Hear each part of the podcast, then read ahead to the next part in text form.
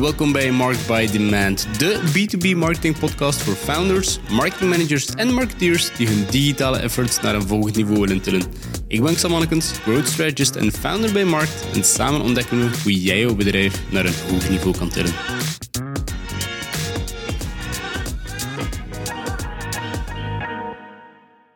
Welkom bij Mark by Demand. We zitten ondertussen aan aflevering 7. Nu, first things first, welkom in de podcast. Dag Sam. Exciting topic hè, vandaag? Ja, klopt, inderdaad. Een, een belangrijke dat we zeker eens moeten bespreken. Ook wel overlappend met de vorige episodes. Dus het lijkt me zeker interessant om deze vandaag te gaan bespreken. Exact. We hebben al heel veel gehad over demand generation, demand generation campagnes. Nu gaan we het echt gaan hebben over wat zijn onze drie beste tips om succesvolle demand generation campagnes te gaan doen. Stel voor dat we er direct in vliegen. Ja, we kunnen beginnen met tip 1. Dat is een heel goed idee. Heel goed idee. Tip 1 inderdaad, ken uw klant. Doe het maar echt door en door. Kijk, iedere company founder wil eigenlijk hetzelfde. En die wil succes gaan boeken. Die wil zo groot mogelijke deals, bekende klanten binnenhalen en constante voorspelbare groei gaan creëren. Nu, de vraag is natuurlijk, het is makkelijk gezegd, maar hoe raak je daar nu echt? Hoe zorg je ervoor dat jouw business eigenlijk een succes wordt? En in theorie is het antwoord op die vraag eigenlijk heel simpel. De praktijk is iets anders, maar de theorie is pretty straightforward. Vergelijk welk bedrijf. ken uw klant. Weet exact wie ze zijn, waar ze werken, welke challenges ze dagdagelijks tegenkomen en alles wat daar rondhangt. En pas als dat echt voor u duidelijk is, maar echt 100% duidelijk, pas als je in dialoog gegaan bent met die personen, en dan zeg ik personen in de zin van meerdere, kan je echt een goede marketingstrategie gaan bepalen die het verschil kunnen maken. Het geldt niet alleen op marketing, maar ook op vlak van product-led growth. Dus ga uw product ook gaan evolven. Ga de features, de nieuwe features dat je gaat gaan maken, of gelijk hoe dat, dat zich voor u kan vertalen, ga dat gaan doen op basis van user feedback, niet op basis van wat jij denkt dat interessant kan zijn. En exact hetzelfde geldt voor demand generation en voor content. Ja, inderdaad. En nu, we zien vaak dat er veel mensen spreken over ICP en buyer persona. Nu, mhm. er zit daar wel een verschil in. Um, kan je daar meer uitleg over geven? Sowieso, ik denk het is, het is iets dat heel vaak door elkaar gehaald wordt. Een ICP zien veel mensen als een buyer persona. Veel mensen denken dat het zelfs synoniemen zijn van elkaar. En ik snap het, want de grenzen tussen die twee zijn gewoon heel vaag. Een profiel van een ideale klant, dus een ICP, is eigenlijk gewoon een fictieve beschrijving van een organisatie die eigenlijk baat zou hebben of voordeel zou halen uit het werken met uw product, uw oplossing, uw software, whatever. En ICP's worden eigenlijk gedefinieerd aan de hand van bedrijfsgegevens, zoals de omzet van bedrijf, de grootte in aantal werknemers bijvoorbeeld, de bedrijfstak, dus de sector waarin dat ze zitten, de locatie kan het ook zijn, enzovoort. En het verschil met de buyer personas, dat is dat buyer personas eigenlijk een soort van semi-fictieve beschrijvingen zijn van eigenlijk het type mensen bij die bedrijven. Dus bij de bedrijven in uw ICP. Bijvoorbeeld een ICP van ons zijn snel groeiende, ambitieuze B2B SaaS-bedrijven met een minimum omzet van 1 miljoen. Dat is de ICP. De buyer persona is bijvoorbeeld een founder of een marketing manager.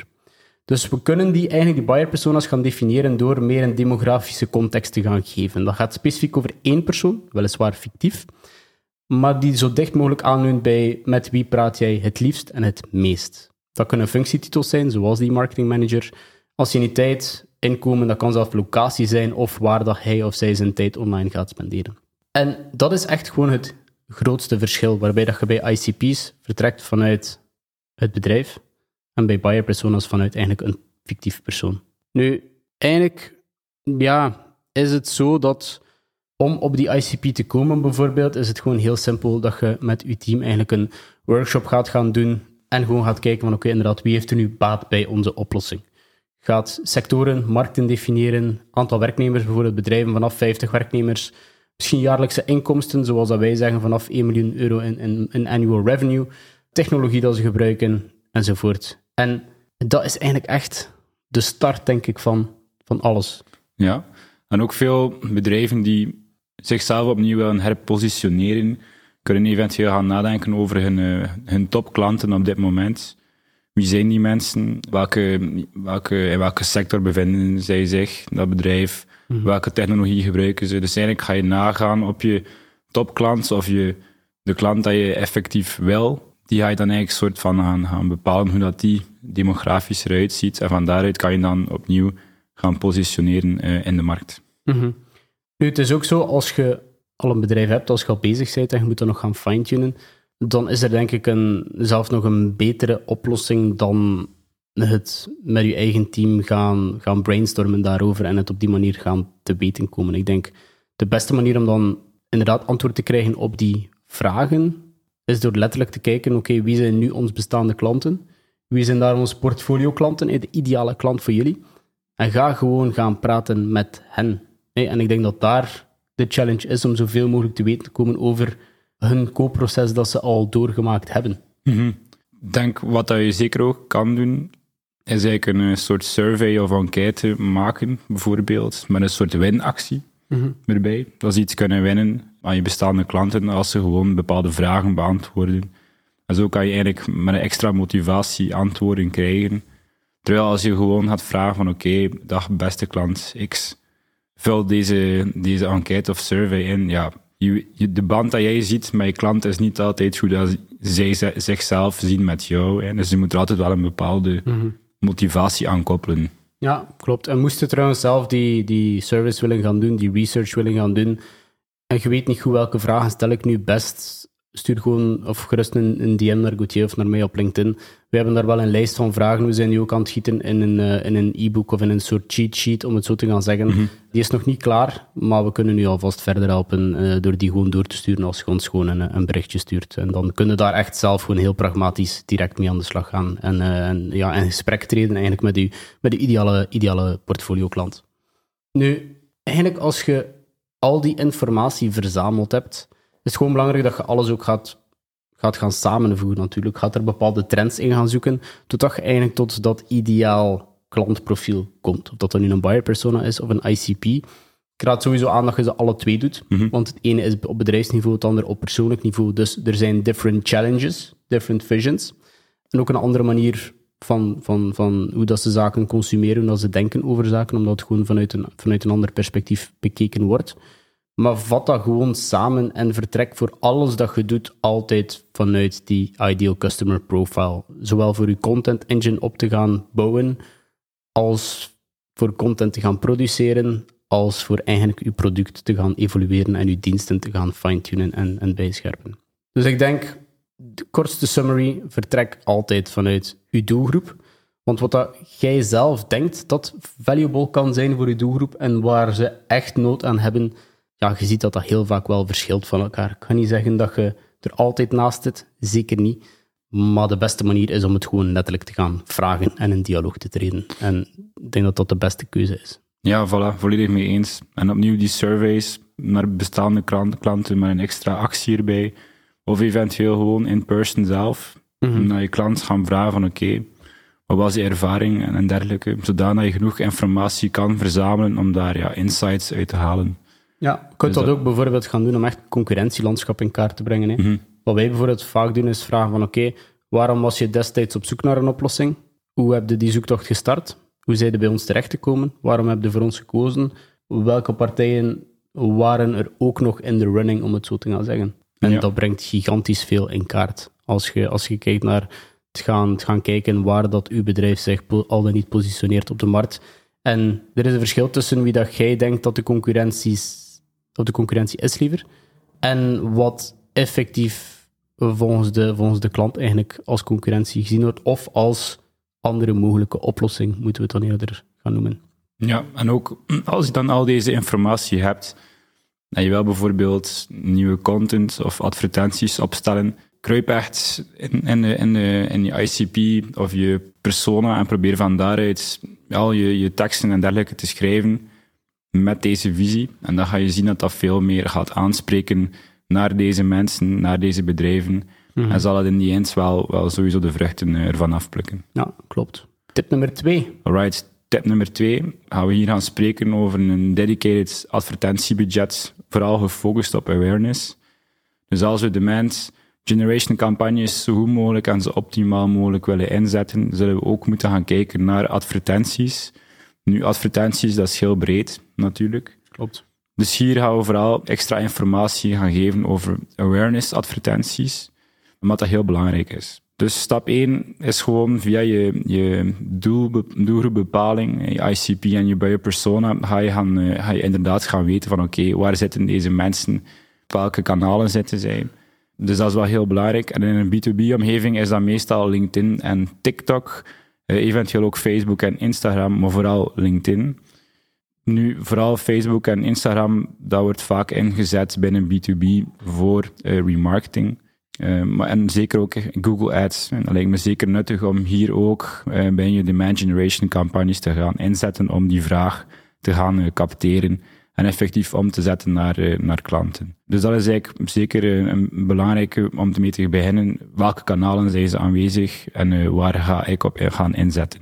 Ja, ik denk dat het belangrijkste daar ook is dat er effectief een, een apart budget voorzien wordt voor laat het ons nu inderdaad awareness campagnes noemen, want dat is eigenlijk een budget dat je gaat uitrekken om puur advertising te gaan doen, om ervoor te zorgen dat de waardevolle content dat je gecreëerd hebt effectief bij je ideale doelgroep terechtkomt. Dus je kunt daar niet verwachten dat er één op één resultaat uitkomt, in de zin van leads of extra sales, maar je zorgt er wel voor dat je waardevolle content wel voor de ogen van je ideale doelgroep, voor je ICP, voor je buyer persona verschijnt. Ja, volledig mee eens. En denk goed na waar je genoeg budget in moet steken. Dus de budgetbepaling van je strategie is heel belangrijk. Vaak is het zo dat veel B2B bedrijven te veel gaan uh, inzetten op Google Ads. En dat zien wij vaak ook bij, bij klanten of bij mensen die op dit moment uh, bezig zijn met advertenties, maar te veel gaan inzetten op, op Google Ads. Mhm. Nu begrijp me niet verkeerd, Google Ads is heel belangrijk, maar je moet het gewoon juist gaan uitvoeren. Want ze willen vaak aanwezig zijn waar grote concurrenten ook aanwezig zijn. Maar let op dat je hier niet te veel geld verliest doordat je gaat inzetten op eh, brand keywords van concurrenten.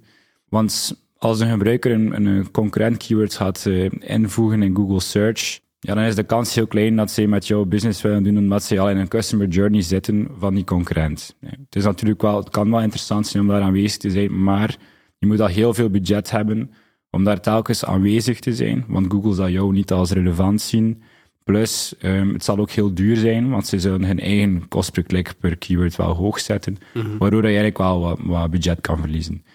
Dus ga meer gaan inzetten op high intentional keywords. Nu, wat is dat precies? We hebben er ook al in de vorige episodes vaak over gesproken. Ik kan dat beter uitleggen met een voorbeeld. Dat is project, project Management Tool Free Trial, uh, bijvoorbeeld.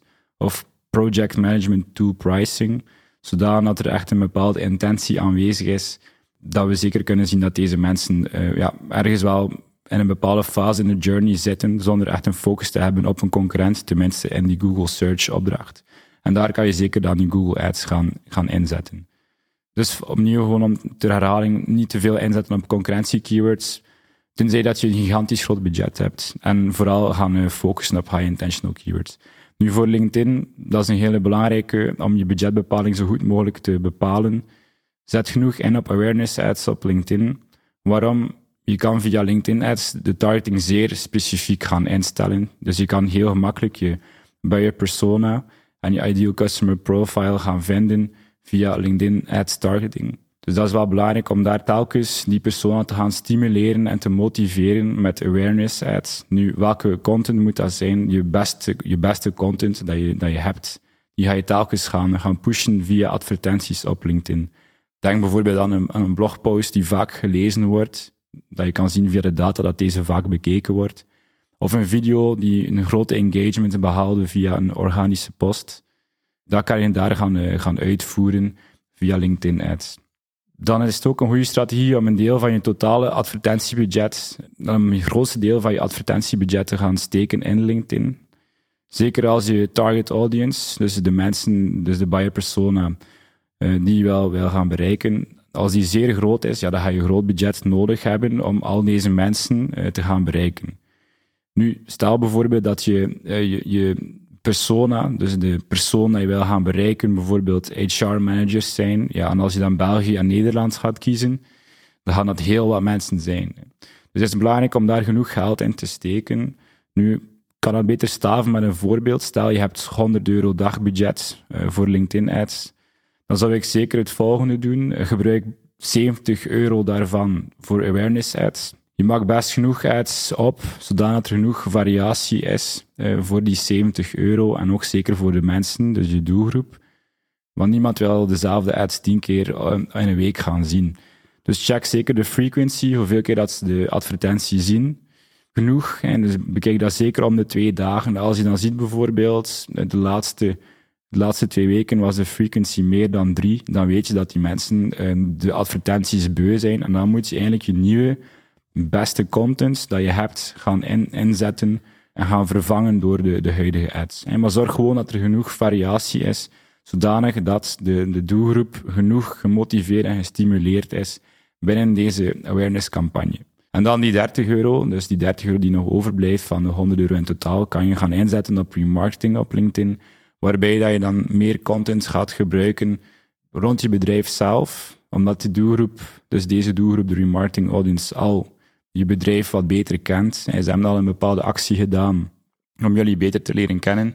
Ja, daar kan je meer gaan inzetten op content die gefocust is op je bedrijf, op je unique selling points en dergelijke eventueel ook een advertentie gaan opstellen op uh, mensen die echt een hoge intentie uh, hebben, uh, die duidelijk een grotere intentie hebben naar je bedrijf toe. Bijvoorbeeld een pricing page hebben opgezocht of hebben bezocht. Daar kan je dan een free trial of een boeken demo advertentie gaan, gaan voor uitvoeren. Dus dat is eigenlijk hoe dat ik het zou, zelf zou doen. Mm Dus om mijn Insta te halen per campagne, dus zowel awareness als remarketing binnen LinkedIn, zal je de dagelijkse, de dagelijkse spend wel groot genoeg moeten maken. Dus goed gaan kijken dat je een groot genoeg budget hebt, um, zodanig dat je daar zeker uh, je, je persona, dus je doelgroep, bijvoorbeeld een HR-manager, genoeg kan uh, motiveren en stimuleren met telkens nieuwe content, die, die telkens ja, zeer sterk relevant kan zijn voor, uh, voor, voor de oplossing die je wil bieden natuurlijk. Dus dat is ehm, zeker tip 2 duidelijk uitgelegd. Ja, uh, dus inderdaad, je conclusie, genoeg budget inzetten op kanalen waar je weet, die doelgroep is daar actief. En steek ook, is hij niet bang om een groot deel van je budget in awareness ads te gaan mhm. stoppen, want uiteindelijk is dat de entry point. Zo leert je doelgroep u kennen. En ja, de remarketing is sowieso de kleinere high-engaged audience, dus daar gaat er sowieso minder budget in moeten, eh, in moeten pompen. Ja. Alright. Nu, de derde tip is eigenlijk gefocust op jullie website. Website is eigenlijk ja, het kloppend hart sowieso van je online aanwezigheid. Vroeg of laat, ik bedoel, in gelijk welke fase van de customer journey gaat een potentiële klant of potentiële werknemer, ook heel belangrijk tegenwoordig, zeker, je website gaan bezoeken om meer over u te weten te komen. Nu, wanneer dat je gaat kiezen uiteindelijk voor een demand generation approach met als doelstelling thought leader te worden binnen uw niche, is het ook gigantisch belangrijk om ergens een overzicht te bewaren en te hebben van alle content en alle value dat je eigenlijk online plaatst. Ik bedoel, zelf hebben we dat nog niet op onze eigen website, maar op vraag van onder andere onze doelgroep, effectief, zijn we daar wel aan bezig. We krijgen voor het heel geregeld de vraag op, op de chat op onze website van oké, waar kan ik de link van de podcast vinden? ik heb een snippet op LinkedIn gezien, ik wil hem wel beluisteren. Maar die is, en dat is niet goed van ons, maar die is op dit moment gewoon niet te vinden op de website. Dus Hiervoor gaan we er ook voor zorgen dat die zaken echt onmiddellijk en heel overzichtelijk en duidelijk terug te vinden zijn op de website. zorg ervoor dat je een content hub gaat bouwen die heel makkelijk vindbaar is, maar die ook logisch ingedeeld is. Stel, je hebt twee ICP's. Je hebt salesprofielen, je hebt marketingprofielen. Daar gaat op focussen, daar creëer je ook je content rond.